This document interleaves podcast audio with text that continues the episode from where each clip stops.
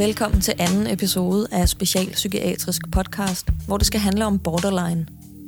I dag taler jeg med Majbrit Skødt, som blandt andet er afdelingsleder på Grandhøjens botilbud Rørmosegård. Det er et botilbud, der er målrettet beboere med varierende personligheds- og tilknytningsforstyrrelser, og altså herunder borderline. Majbrit er uddannet pædagog og har været på Grandhøjen i mere end 10 år, hvor hun også underviser på den interne grunduddannelse i den systemiske tilgang. Du kan høre om både den systemiske tilgang og dens faste følgesvend, den narrative tilgang, i første episode, som lægger et godt fundament til at forstå meget af det, Majbrit taler om i dag. Grandhøjen har mange dygtige pædagoger, men jeg har inviteret netop Majbrit, fordi jeg ved, at hun har et helt særligt tag på mennesker, der kæmper med borderline. Det kan man høre på de historier, hun selv kan fortælle, og man kan høre det på de beboere, der kender Majbrit. Hun er empatisk og særdeles afholdt, og så tager hun ikke sine evner for givet, men går meget ud af at lære og vokse sammen med de beboere, hun har medansvar for. Hej Majbrit. Hej Helene. Hvor er det dejligt, du ville komme og tale med mig om det her emne. Øh, jeg er ikke den eneste, der har glædet mig til at høre om det, kan jeg lige så godt afsløre. Mm-hmm. Så øh, en masse pres på dig til at fortælle alt, hvad du ved om borderline, så vi andre kan blive klogere også. Vil du ikke starte med at fortælle mig, hvorfor det giver mening, at det netop er dig, jeg taler med i dag? Hvorfor giver det mening, at jeg taler med dig? Jeg skal prøve at fatte mig i korthed, mm. fordi det kan jeg tale, det kan jeg tale rigtig lang tid om. Øh, men øh, når du egentlig lige stiller mig det spørgsmål, så kommer jeg sådan til at tænke på, ja, hvorfor er det egentlig lige mig, du skal tale med det omkring? Øh, og sådan helt grundlæggende, så har jeg sådan særlig øh, spiren inde i omkring øh, det her med at tale om, øh, om borderline-problematikken, øh, og hvad der egentlig øh, rører sig inde, øh, inde, øh, inde hos de her mennesker, der er ramt af en borderline-problematik. Øh, noget af det, øh, og det kvæg min, øh, min erfaring med, med arbejdet øh, med, med de her mennesker, der er ramt af en borderline-problematik, det er, at når jeg vender øret øh, ud af i samfundet og hører, hvordan der egentlig bliver, øh, bliver talt, eller hvordan synet på, øh, på de her mennesker med en borderline-problematik, øh, hvordan der bliver talt omkring det, så kan det være enormt fordømmende og øh, stigmatiserende. Ofte så øh, kan der være udtalelser om, om det er bare de her borderline-piger, der, øh, der laver drama og har brug for en hel masse opmærksomhed. Øh, og i et, øh, hvis man bare ser øh, ser på det øh, med de øjne, uden at have en viden omkring, så hvad er det egentlig, hvorfor og hvad sker der? Øh, hvis man ikke er med til at undersøge det, så, øh, så, lader man, øh, så lader man det stå til, og så får vi stigmatiseret en, øh, en gruppe mennesker, der har det rigtig, rigtig svært ind i. Så det ligger mig særligt på sinden at fortalt om, øh, om den her problematik, og hvad de her øh, mennesker med den her problematik bliver ramt af, øh, mm. når de har en borderline-problematik. Så hvorfor, hvorfor er du endt her? Hvad, hvordan er du kommet ind på det spor? Jamen, det er jo fordi, at jeg, øh, øh, da jeg stiftede bekendtskab med, med nu kalder jeg det for målgruppen, øh, fordi det er bare nemmere at gøre det, når vi sidder og taler her, med, men øh, med målgruppen med en borderline-problematik, så øh, var min erfaring øh, også meget snæver og øh, ensporet. Det var måske også det, jeg vidste, at det er ofte øh, unge kvinder, der skærer i sig selv og øh, fortæller løgnhistorier, og jeg ved ikke, hvad jeg ellers har hørt. Men, med mit, øh, men så da jeg begyndte at udfolde nogle samtaler med dem og begyndte at undersøge, så hvorfor opstår de her strategier eller nogle gange uhensigtsmæssig adfærd. Så fik jeg også en anden forståelse for, øh, for hvad der ligger til grund. Mm. Og det er ikke det, det handler om. Det handler ikke om at, øh, at gå ud og skabe sig en masse drama i omverdenen og omgivelser. Det handler mm. sjældent om at sove andre mennesker. Ja, så det er via dit arbejde, at du har fået, ja. fået øh, ekstra hjerteblod for den her Præcis. sag. Ja. Jeg kan høre allerede nu, at du... Øh, du taler om, du bruger nogle særlige begreber, når du, når du taler om borderline. Øh, det har jo rod i noget teori. Vil du lige kort rise op, hvilke, hvordan, hvordan bruger du begrebet borderline i samtale? Jamen altså, jeg bruger øh, begrebet øh, øh, borderline øh, med, med nogle af de her øh, særlige kvinder, jeg øh, taler med omkring deres problematik. Det er, at øh, de er jo ikke øh, deres diagnose borderline. De er ramt af en borderline. Jeg taler eksterniserende med dem for at, øh, for at de kan finde sig nogle mestringsstrategier til at øh, se problemet udefra. Øh, at, øh, at de det, det er en borderline-problematik, eller en borderline-strukturstrategi, hvad vi kan kalde det, der har, øh, der har indtaget deres liv, der er med til at styre deres liv, øh, der gør det rigtig, rigtig svært for dem en gang imellem. Men når de kan, begynder at kunne se øh, borderline udefra som noget, der øh, indtager dem og styrer dem, så begynder de også at kunne vende væk øh, fra borderline-problematikken og begynde at arbejde med den på en anden måde, øh, så det ikke er en del af deres identitet. Ja, det er jo øh, det er stadig et område, jeg er ved at blive mere klog på. Det blev jeg øh, blandt andet i sidste uge, da jeg talte med Sanne Ferdinandsen om øh, det system, den systemiske teori og, og den narrative tilgang. Det er jo noget, vi, vi anvender i, i hele koncernen, Grand Recovery and Health, men i særdeleshed øh, på Grandhøjen, hvor du arbejder. Øh, det kan man høre mere om øh, i det første afsnit af Specialpsykiatrisk Podcast, men kort her vil jeg bare fortælle, at det, som du, og noget af det, du også siger her, er jo med eksternaliserende sprogbrug, som er en del af det narrative. Mm. Øh, altså både det systemiske og det narrative er optaget af sproget og, og den virkelighed og de muligheder, sproget skaber. Øh, og det er derfor, det er vigtigt, hvordan vi taler om alting, mm. og måske i særdeleshed øh, de stigmatiserende ting, som, som psykiatriske diagnoser jo virkelig kan være. Så det, det, det er den måde, du taler om det på. Ja. Præcis. Ja, så har jeg, så har jeg forstået det. Men så lad os starte helt op i, øh, helt op i trakten. Mm. Hvad er borderline? Jamen borderline, det er i, øh, altså øh, kort ridset op, så det er en, en, en del af en personlighedsforstyrrelse. Det er en, øh, en øh, emotionel øh, personlighedsforstyrrelse af borderline-typen, øh, og den viser sig øh, øh på forskellige, øh, forskellige øh, aspekter, og det er øh, afvielser af ens personlighed øh, på forskellige områder. Det kan fx være følelseslivet og, øh, og, og holdninger. Ofte kan man også øh, mangle evnen til at øh, føle skyld og tage ansvar øh, i eget liv.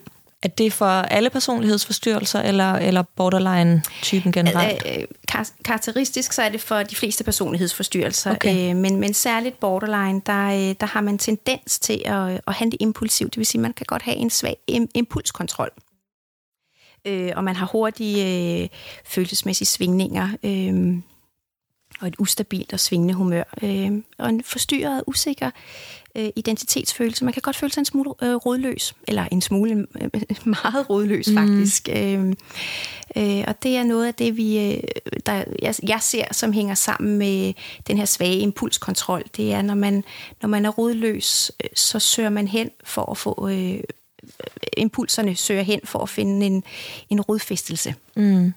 Mm. Og så hvordan, kan du sige noget om, hvordan adskiller en personlighedsforstyrrelse sig fra, fra øhm, en, en, en anden psykiatrisk diagnose? Det kunne være øh, depression. Altså, hvad er, hvad er den særlige problematik ved en personlighedsforstyrrelse? Jamen, det er jo det er en emotionel øh, personlighedsforstyrrelse. Det er, det er det her med at, øh, at afspejle øh, følelser, andres følelser, egne følelser, og have kontrol over dem, og, øh, og have nogle, øh, nogle mestringsstrategier til at håndtere, når følelseslivet bliver svært. Vi alle sammen, vi kender jo til, når, når livet bliver svært, og følelserne er kaotiske. Øh, ofte så er deres øh, øh følelser voldsomme, øh, kaotiske. De befinder sig i et, øh, et, et, et landskab af ekstrem kaos, øh, hvor de ikke har, øh, har lært at mestre. Så hvordan håndterer jeg, når, jeg er, når det gør ondt indeni, og jeg er rigtig, rigtig ked af det? Og det her, det skal bare ud af mig, og så kan det ofte ende med selvdestruktive handlinger. Her taler Majbrit specifikt om, hvordan personlighedsforstyrrelsen af borderline-typen adskiller sig fra andre psykiatriske diagnoser – så jeg bryder kort ind for at give et samlet billede af hele gruppen af personlighedsforstyrrelser, og hvordan de overordnet set adskiller sig fra andre psykiske lidelser, som for eksempel depression eller angst. Det er selvfølgelig problematisk at tale om psykiatriske lidelser i meget generelle termer. Vi er alle individer, og der vil altid være individuelle forskelle og variationer, så det forbehold skal vi altid tage. Men nu kaster jeg mig alligevel ud i det for overblikkets skyld – så, hvad er en personlighed? Det må vi først kunne svare på, for at kunne tale om en personlighedsforstyrrelse. Helt kort kan man sige, at vores personlighed er vores følelse af en kerne, en essens, som altid er der. Personligheden er, hvem vi er, en del af vores selvopfattelse, og særligt vigtigt i den her sammenhæng, hvordan vi forholder os til andre mennesker – Det er, hvordan vi handler og hvordan vi oplever og udtrykker vores følelser. En personlighedsforstyrrelse er så, når der er problemer med den her selvopfattelse og identitetsopfattelse, og når der opstår problematikker i relation til andre mennesker. Fælles for personlighedsforstyrrelserne er, at der især er tale om forstyrrelser i holdninger, følelsesliv, impulskontrol og ja, netop forholdet til andre. Det vil mig Britt også komme mere ind på. Forstyrrelserne betyder, at man har en unuanceret og utilpasset adfærd, der typisk går ud over en selv eller skaber vanskeligheder i forhold til omgivelserne. Det er også vigtigt at sige, at de her problemer skal opfylde nogle særlige krav, før vi kan sige, at der er tale om en personlighedsforstyrrelse. De skal som det første være vedvarende, det vil sige, at de ikke skal komme og gå, men altid være til stede. Og de skal desuden have været der siden barndom, teenage-tid eller tidlig voksenalder. For det andet må problemerne ikke skyldes en anden sygdom, herunder en anden psykisk lidelse. Og så er vi igen ved de andre psykiske lidelser som angst, depression osv. Generelt for dem gælder det, at de kan medicineres. Det kan en personlighedsforstyrrelse ikke. Der kan forekomme symptomer ved en personlighedsforstyrrelse, som kan være eller have udtryk af en anden psykisk lidelse, og det kan afhjælpes ved medicinering. Men det gør man mest i de svære tilfælde, og det afhjælper altså ikke selve personlighedsforstyrrelsen. Den bedste behandling for en personlighedsforstyrrelse er fokuseret og specialiseret psykoterapeutisk behandling. For det meste over en lang årrække. Og det bringer os tilbage til Majbrit og Rørmosegård. Gård. Man kan ikke medicinere sig ud af en, øh, en emotionel personlighedsforstyrrelse af borderline-typen, fordi det er følelserne. Man kan sige, at man kan symptombehandle på mange måder, for med øh, ofte så vil, vil nogle af symptomerne også øh, være øh, angst og depression osv. Det kan man, det kan man godt medicinere øh, som sådan, men, men selve følelseslivet kan man ikke medicinere. Det handler om... Øh, det handler om at, at, at støtte dem i at få skabt nogle mestringsstrategier til at håndtere øh, det kaos, øh, de befinder sig i, og, og øh, finde ud af øh, at styrke noget identitet og noget øh, selvværd, helt grundlæggende identitetsfølelsen. Så hvem er jeg? Mm. Så jeg prøver at finde, øh, jeg prøver at forstå helt korrekt, altså så med en borderline-problematik har, er, er det følelseslivet, der i den grad er på spil. Og det, ja. det viser sig udad til ved for eksempel manglende impulskontrol øh, og en sort-hvid opdeling af verden. Ja, altså man kan sige, det, det, også, det her med at... Øh danne øh, nære relationer og knytte tætte bånd med andre mennesker. Øh, det, det er svært, øh, fordi ofte så er de øh, har de oplevet en masse svigt og altså omsorgssvigt og andre traumer i barndommen, der gør, at det, at det er svært at regulere sig selv i, i det her med relationer. Så hvor, hvad betyder relationerne? Hvad betyder det, øh, når det her menneske øh, siger de her ting, eller vil mig de her ting? Hvordan kan, jeg, hvordan kan jeg stole på det? Hvordan kan jeg stole på, at der er nogen, der vil mig godt? Så er, er det på grund af traumer, at en borderline-diagnose, eller at man, man udvikler borderline? Ja, hvordan udvikler man borderline? Det er der, det er der rigtig, rigtig mange, øh, mange studier omkring, men, men egentlig sådan helt grundlæggende, øh, så det miljøet. Altså det miljø, man er opvokset i, og det miljø, man befinder sig i. Man er ikke født med det? Det øh, vil jeg ikke sige. Det kan jeg ikke, øh, det kan jeg ikke svare helt konkret på, men, men ofte så er det ikke, øh, øh ikke arveligt. Det er en del af, del af det miljø, man er i, og der er mange faktorer i, øh, i opvæksten, der, øh, der gør, at man udvikler en, øh, en borderline-problematik. Og det kan være øh, omsorgsvigt og fysisk og psykisk overlast, overgreb øh, og alvorlige traumer i barndommen, hvor man ikke... Øh, hvis der ikke bliver taget hånd om, øh, om, om barnet øh, i opvæksten, øh, der bliver udsat for nogle af de her ting. Så det her med, at, at hvad, hvad er rigtigt og hvad er forkert, det, øh, det, det lærer de simpelthen ikke at forstå. Øh, fordi følelserne, hvis der ikke er nogen, der sætter sig ned og lytter til følelserne og udfolder, øh, så hvad betyder det at være ked af det? Hvad betyder det, når, når der er en, der har gjort det her ved en? Hvad betyder vreden? Og få snakket om de her ting. Så, så de mangler en, en slags... Øh, regulering af deres øh, følelsesliv mm. og kende forskel på. Hører jeg det rigtigt sådan, at der er et vist overlap mellem oplevede relationer, oplevede situationer i barndommen, og den måde, man så øh, den emotionelle forstyrrelse viser sig i, i voksendommen. Ja, det er der. Det er der, og, øh, og man kan sige en borderline-problematik, man kan ikke sige, at, at det er sådan her, det er, fordi det er jo, det er jo særlig unikke mennesker, øh, alle sammen. Øh, lige så vel som, øh, som vi er og andre mennesker, vi møder. Øh, så den vil jo den, den vil vise sig på, øh, Borland vil vise sig på flere forskellige måder med, med forskellige slags mestringsstrategier ud fra øh, det, der er oplevet og de erfaringer, de har med sig øh, fra de miljøer og de opvækster, de, øh, de har med sig. Mm. Mm. Det, jeg hører mest om i, i medierne, øh, er, handler jo om selvskade. Mm. At det er... Øh, næsten sådan øh, minimand, eller alle lommepsykologerne ja. diagnostiserer en, ja. en borderline-patient. Det er også rigtigt. Det der er, et, det der er en stor del af, af målgruppen øh, med problematikken borderline. Øh, øh, har, øh, har tendens til, til selvdestruktive handlinger, særligt selvskade i, for, i form af, af cutting for eksempel. Øh, og Hvad kan det ellers være? Jeg tror ikke, jeg kender andre. Jamen det kan være, øh, ja, åh, det kan, det kan være mange ting. Jeg for eksempel øh, det her med at, og, og nogle gange, når, når det gør ondt indeni, øh, helt grundlæggende handler det om, at det gør ondt indeni. Der er sådan en kæmpe tomhedsfølelse, som gør, som gør så ondt, så ondt, så ondt indeni, som, øh, som prøver, at, prøver at blive fyldt op på flere forskellige måder. Det kan være... Øh, det kan også være prostitution. Øh, det kan være at søge øh, de somatiske sygehus øh, tit og ofte for at få for at øh, opnå øh, en følelse af at, at blive taget hånd om. Mm. Ja. Øh, og hvordan kan det, kan det også hænge sammen med relationer? Kan man jeg tænker på det her med det sort-hvide i mm. menneskelige relationer, at enten er vi venner, eller også er vi fjender. Kan der ligge noget i det også i forhold til selvskade, eller er det to adskilte ting? Nej, man, man, kan, man kan godt tillægge det øh, selvskade, hvis man ser et mønster, der, øh, hvor, det, hvor det hele tiden det her med springet til, at øh, så finder jeg mig en, en kæreste, og om en uge skal vi giftes.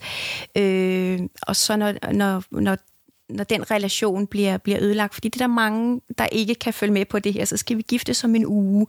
Øh, så bliver det så bliver det så bliver så bliver det en øh, så bliver det enten eller og så bliver vi øh, fjender.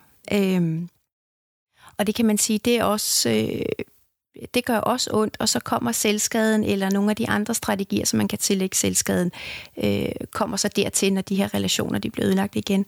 For nu tankegangen for, øh, for mennesket med en personlighedsforstyrrelse af borderline-typen kan øh, sætte sig tilbage og tænke, nu var der endnu en, endnu en i rækken, der ikke, der ikke kunne holde ud og være sammen med mig. Mm. Ja.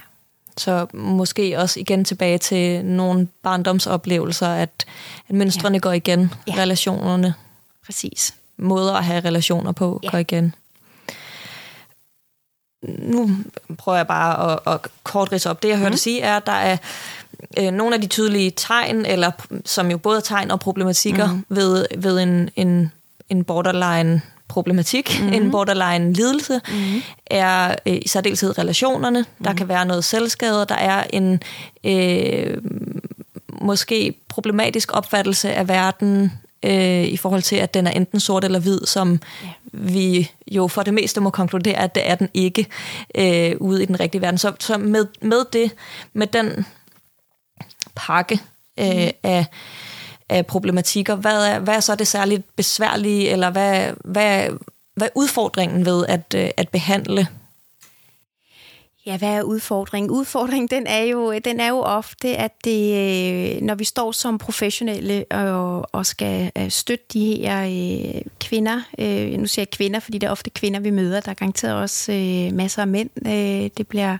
de bliver bare ikke... Øh, de bliver ikke opdaget på samme måde altid. Hvordan kan øh, det være? Jamen det er fordi, de har nogle andre, øh, jeg tænker, øh, i bund og grund kan de have nogle andre slags mestringsstrategier, som kan tillægges andre, måske psykiatriske eller sociale øh, forhold og diagnoser. Øh, de, øh, de gør noget andet. De begynder måske at tage tage stoffer, eller har en, en anden slags ud, udadreagerende aggressiv adfærd, end, end kvinderne har. Men som man jo, sådan som jeg lige hørte sagtens, kan relatere tilbage til, til nogle af de øh, symptomer, du mm. har ridset op, men, øh, ja. men det har vi så som samfund ikke øh, lært at, øh, at putte i samme boks. Det tror jeg ikke. Jeg tror mere, det er fordi, at øh, som du selv sagde, øh, øh, det jeg egentlig ved, det er, at når man har en borderline-problematik, så, så, så, så skærer man i sig selv. Øh, og det måske, vi ser måske ikke lige så mange øh, mænd, der skærer i sig selv, som vi ser kvinder skærer i sig selv. Men, men et stofmisbrug kunne måske være selvskade? Det kan også være en form for selvskade, ja. Okay. Når jeg afbrød dig, du er ved at fortælle om, øh, hvilke udfordringer der er i... Ja. ja. Og det er jo, øh, at vi bliver inviteret ind i det her væld af kaos og en, øh, en rodløshed og, øh, og, og øh, rigtig dårlig selvværd. Øh, et, øh, og det, det bliver vi inviteret ind i, og øh, det kan være rigtig svært at gribe og gøre noget ved, fordi vi kommer til at mærke det, fordi de projicerer det over i, i, i de professionelle. Vi bliver en del af det her kaos, vi bliver en del af, af splitting. Øh, vi bliver en del Hvad af betyder en, det? Splitting, det betyder det her med, at... Øh, at vi bliver også en del af en enten eller verden. Så Nå, enten ja. så er jeg, øh, jeg er den, enten er jeg den søde pædagog, eller så er den dumme pædagog. Mm. Øhm, og det skal man se på den måde, at det ikke er en bevidst handling. Øh, det handler om det her tomrum, jeg nævnte før. Øh, at søge nogen, der kan fylde det her tomrum op. Og tomrummet, tomrummet kan godt fyldes op for fem minutter eller for en time. Men når vi så fjerner os igen fra relationen, fordi vi skal hjem, eller fordi vi skal øh, ind og hjælpe en anden øh, beboer, eller hvad ved jeg, så bliver tomrummet, så bliver det tomt igen. Så det, der lige er fyldt ind, det forsvinder igen.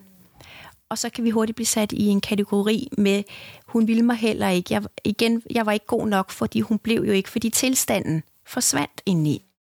Øhm, og det er det, vi bliver tit inviteret ind i. Så hvordan...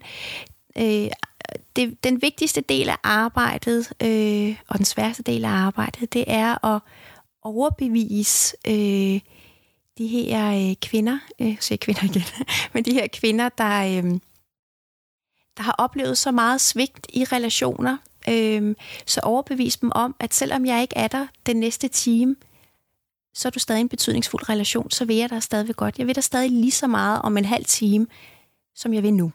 Øh, og det er, det er processer, der tager tid øh, for at få dem til at... Øh, at føle sig betydningsfulde i relationer med andre mennesker. Ja, men opleves det ikke også hårdt for pædagogen, for dig? Mm. Altså, jeg, jeg forestiller mig, at jeg ville have en reaktion på at blive afvist øh, mm. igen, og blive nogen, der bliver vred på mig igen. Og som en empatisk person har mm. jeg brug for øh, både at kunne forstå det andet mennesker, og de også forstår mig. Hvordan mm. oplever I det?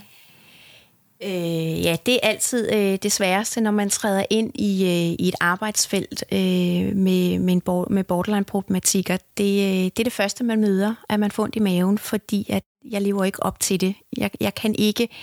Jeg, øh, min empati, den virker sjældent i særlig lang tid ad gangen.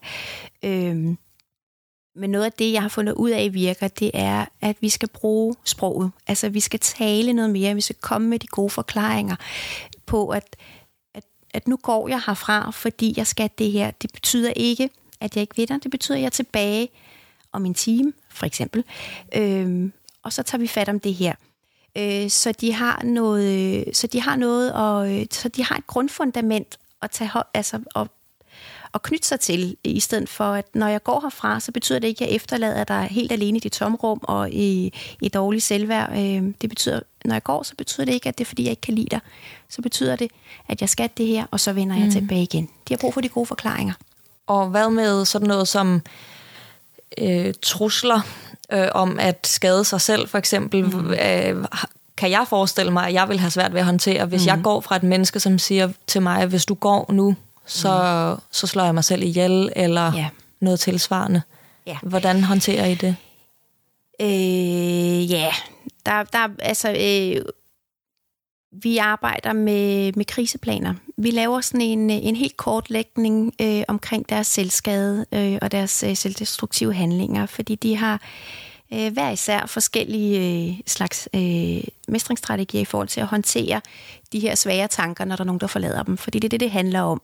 Når jeg føler mig forladt, øh, Det er en, øh, det er en indet, øh, konstant kronisk følelse, de har inde i. Øh, så derfor så har vi sådan en kortlægning af kriseplaner i forhold til øh, hver, hver især, hver punkt, de har i forhold til selvskade. Og så, øh, så laver vi en hel handleplan ud fra, øh, fra hver øh, slags øh, selvdestruktiv handling. Og så taler vi med dem om det. Så når jeg går herfra, så ordinær det her med at ordinere det, der kommer til at ske. Når jeg går her fra dig nu, så er det ikke fordi, jeg efterlader dig. Så det er fordi, jeg skal ud og gøre det her. Men sidste gang jeg gik, så fik du det på den her måde, der har du lyst til at tage livet af dig selv. Og den følelse vil du sikkert få igen, når jeg går. Så hvad kan vi gøre? Hvordan lykkes du med det sidst? Jamen, sidst så gjorde jeg, så tog jeg noget musik i ørerne, for eksempel. Okay, så det er det, du kan gøre nu. Så vi ordinerer det, der kommer til at ske, når jeg går. Så kommer til at ske det her. Hvad kunne du med fordel gøre? Hvad har du brug for af mig lige nu, inden jeg går, så du ikke kommer til at sidde i den her tilstand? Mm. Okay. Mm-hmm. Og ja, det er, er det til hjælp, det er til hjælp for alle. Er det en del af, af en, et klassisk behandlingsforløb hos, hos jer? Ja, det er det. Det er det.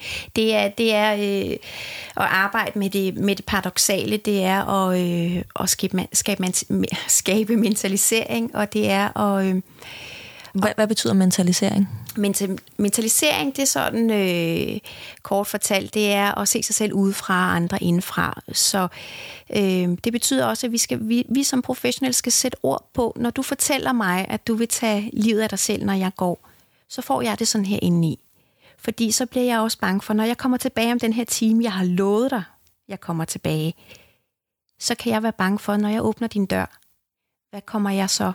Hvad, hvad møder jeg så?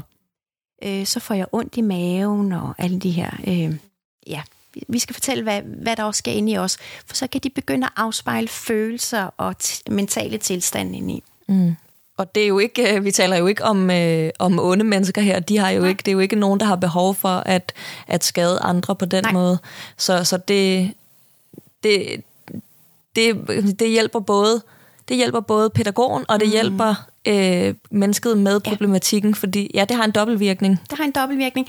Jeg talte lige med en, øh, en ung kvinde, jeg har, øh, jeg har kendt i mange år. Hende talte jeg faktisk med her til øh, morgen. Øh, og øh, det klassiske er, at når, øh, når, når hun skal møde nye mennesker, nye relationer, så bliver det svært. Det er rigtig svært at håndtere.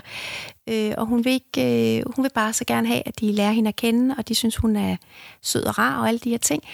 Øh, men det er alligevel svært at være i relationen. Øh, og hun, hun er ofte klar over, at hun kommer måske, som hun selv siger, til at gøre noget dumt. Øh, og hun... Så snakkede vi sådan, så gik vi, øh, gik vi lidt baglæns, i stedet for at snakke om, om øh, hvad der muligvis kunne komme til at ske. Så gik vi baglæns øh, hvor at jeg nævnte, øh, kan du huske dengang, du flyttede ind, da jeg var på arbejde? Ja, det kan jeg godt. Så talte vi om øh, nogle episoder, øh, der havde været, øh, som regel hver aften, når jeg var på arbejde. Og så en dag, der mødte jeg på arbejde. For jeg kunne godt mærke, at jeg gik på arbejde med, med ondt i maven, og tænkte, uh, hvad finder hun nu på i dag? Jeg tænkte, det er jeg nødt til at sige til hende, hvordan jeg har det, når jeg tager på arbejde, så vi kan, så vi kan hjælpe hinanden til at kunne være sammen.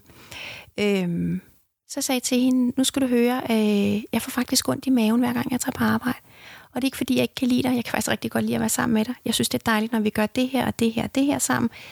Men det, jeg ikke kan lide, det er, når du gør det her, for jeg får frygtelig ondt i maven, når jeg kører på arbejde. For jeg tænker, hvad nu? Så jeg har besluttet mig for, at i aften, der går jeg ikke med. Hvis du har brug for at gøre de her ting, så, så skal du selv klare det. Men hvis du gerne vil være sammen med mig, for jeg vil rigtig gerne være sammen med dig, så bliver det på den her måde. Så det er en aftale, vi kan lave. Ja. Og hun snakker tit om det den dag i dag. Hun siger mig, at du fik jo ondt i maven. Og det jeg allermindst ville i hele verden, det var at give dig ondt i maven. Ja. Så kan vi begynde at tale om, så nu hvor at du skal møde nogle af de her nye mennesker i nye relationer, hvad, hvad for nogle aftaler kan vi lave omkring det, så, så det også bliver rart for dig? Mm. Og så begynder vi at finde mestringsstrategier, til hun kan håndtere det. Mm. Det lyder godt. Det lyder bare rigtig godt. Kort til sidst, kan du, øhm, kan du give en spot om, om fremtiden for, for borderline-behandling? Hvordan kommer det til at se ud, eller hvilken retning bør det gå? Øh, jeg forudser, hvis jeg kigger i min, øh, i min kugle af ja. spådomme og det hele, det er, øh, vi lever jo i et, øh, et, et samfund lige nu med øh, en øh, øh, sociale medier og den digitale verden. Øh, og når jeg tænker på de her øh, kvinder og mænd øh, med en øh, mulig borderline-problematik, som måske ikke er opdaget endnu, men som sidder, øh, som kigger med på de sociale medier. Øh, og det her med, når man er rødløs. Så det her med at gå ud og finde nogle af de her rødder, der kan danne ens identitet. Så at søge rundt på nettet, på Instagram og så videre, med reality og øh, hvad der ellers er super moderne og følge med i, øh, tror jeg kommer til at skabe en, en større rodløshed og en større søgen på anerkendte identiteter. Øh, det, med det vil jeg sige, at når man i forvejen øh, har en forstyrrelse af, i, sin, øh, i, sin, i sin identitetsfølelse, øh, så tror jeg, vi kommer til at møde flere unge kvinder og mænd med rigtig dårlig selvværd og en større rodløshed for at øh, gå ud og søge efter det normale. Det normale billede i, øh, i den digitale og sociale verden. Og hvad, hvordan skulle det være? Hvordan, hvordan, hvor, hvorfor er det en dårlig ting? Hvordan udmyndter det sig så i en problematik? Jamen, øh, vi, vi alle sammen, vi kender, vi ved jo, når vi øh, kigger på de sociale medier, så er der et, øh, øh, så er der skønne, smukke kvinder og øh, plastikhaløj og af, hvad vi ellers kan. Øh, og hvis det er det, de spejler sig i, for at, op, øh, for at, øh, for at føle sig almindelige og normale, øh, fordi at vi skal huske på, det er identiteten, den er ikke rodfæstet. Det er den, de søger at finde noget, hvor, at, øh, hvor de ikke er forkerte. Øh, så bliver der rigtig meget at leve op til, og øh, så gør vi øh, tomrummet og øh, rodløsheden og følelsen af at være usikker i identitetsfølelsen, den bliver gjort større. Så du spår i virkeligheden øh, en stigning det er jo ikke så godt. Nej, det er men, ikke øh, godt. Men, øh, men måske også en, en forbedret måde at kunne øh, gribe og håndtere. Ja. Vi skal, vi, vi skal gribe dem noget før. Ja. Hvordan? Ja, hvordan? Det er jo... Øh, det har jeg ikke opskriften på, men jeg tænker, vi skal ude i samfundet. Vi skal, vi skal være mere opmærksom på... Øh, vi, vi, skal, vi, skal, vi skal lade være med at være så berøringsangste. Så når vi øh, har en, øh, en mavefornemmelse, vi skal følge vores mavefornemmelse, så når vi sidder i klasseværelserne, eller kommer på besøg hos vores øh, bedste veninde, eller et eller andet i teenageårene, øh, så når vi har en mavefornemmelse, så skal vi spørge ind, og vi skal reagere på det og vi skal ikke, øh, vi skal ikke være så bange for at sige, hvordan har du det? Har du det godt? Mm. Og det gælder vel i det hele taget alle andre ja. forestillinger om, om diagnoser, eller man behøver jo ikke have en diagnose, man kan godt have det skidt og stadig have brug for, at nogen spørger ind. Præcis. Hvis man sidder og, øh, og arbejder til daglig øh, som sagsbehandler eller noget mm. tilsvarende, mm. øh, og af og til får mennesker ind, som man enten ved har en borderline-problematik, eller man har en, en formodning om, at de har det. Hvad, hvordan skal man reagere? Hvad skal man, hvad det, hvad, hvad er, der, er der en regel, du kan give? Hvad skal du gøre? Man skal, man skal ture og spørge ind til. Vi skal ikke, øh, vi skal ikke, øh, vi skal ikke være bange. Vi skal ikke være bange for at... Vi skal lade være med at, at, at tænke for meget på, hvad, hvad kan konsekvensen blive, blive af, at jeg, øh, hvis jeg spørger, hvis jeg spørger ind til, Altså, vi skal være lidt mere åbne og sige, jeg har en eller anden fornemmelse af, at, øh, at når du går ud på toilettet øh, på et eller andet tidspunkt på dagen og låser døren, at så fordi du går ud og skærer dig selv. Jeg har en eller anden idé om, du gør det. Kan du hjælpe mig med at bede eller afkræfte den? Hvad har du brug for? Vi er nødt til at spørge nogle flere unge mennesker, hvad har du brug for? Den her modige opfordring bliver det sidste ord fra Majbrit for nu. Men det er slet ikke alt, Majbrit har at sige om borderline-problematikken, og den måde, hun og Granhøjen arbejder med den, og de mennesker, der kæmper med den. I maj og juni måned inviterer Grandhøjen til en webinarrække om netop borderline-diagnosen, dens symptomer og mulige behandlingsveje. Her er det igen Majbrit, der vil dele ud af sin viden og sine erfaringer, og det vil også være muligt at stille spørgsmål direkte til Majbrit. Så hvis du gerne vil blive endnu klogere på Borderline, kan du skrive dig op til Grandhøjens nyhedsbrev, så du er sikker på, at du får at vide, når tilmeldingen åbner. Du kan også følge Grandhøjen på LinkedIn, hvor der vil komme opdateringer om både webinarrækken og kommende podcast-afsnit. Husk, at vi altid gerne vil høre fra dig, hvad du tænker, og hvad du kunne tænke dig mere af. Så send meget gerne en mail med dit forslag eller din kommentar direkte til mig på podcast rh.dk. Det er g r a n rh.dk. Husk også, at du kan abonnere på podcasten her, så du får direkte besked, når der ligger en ny episode klar. Tak for i dag.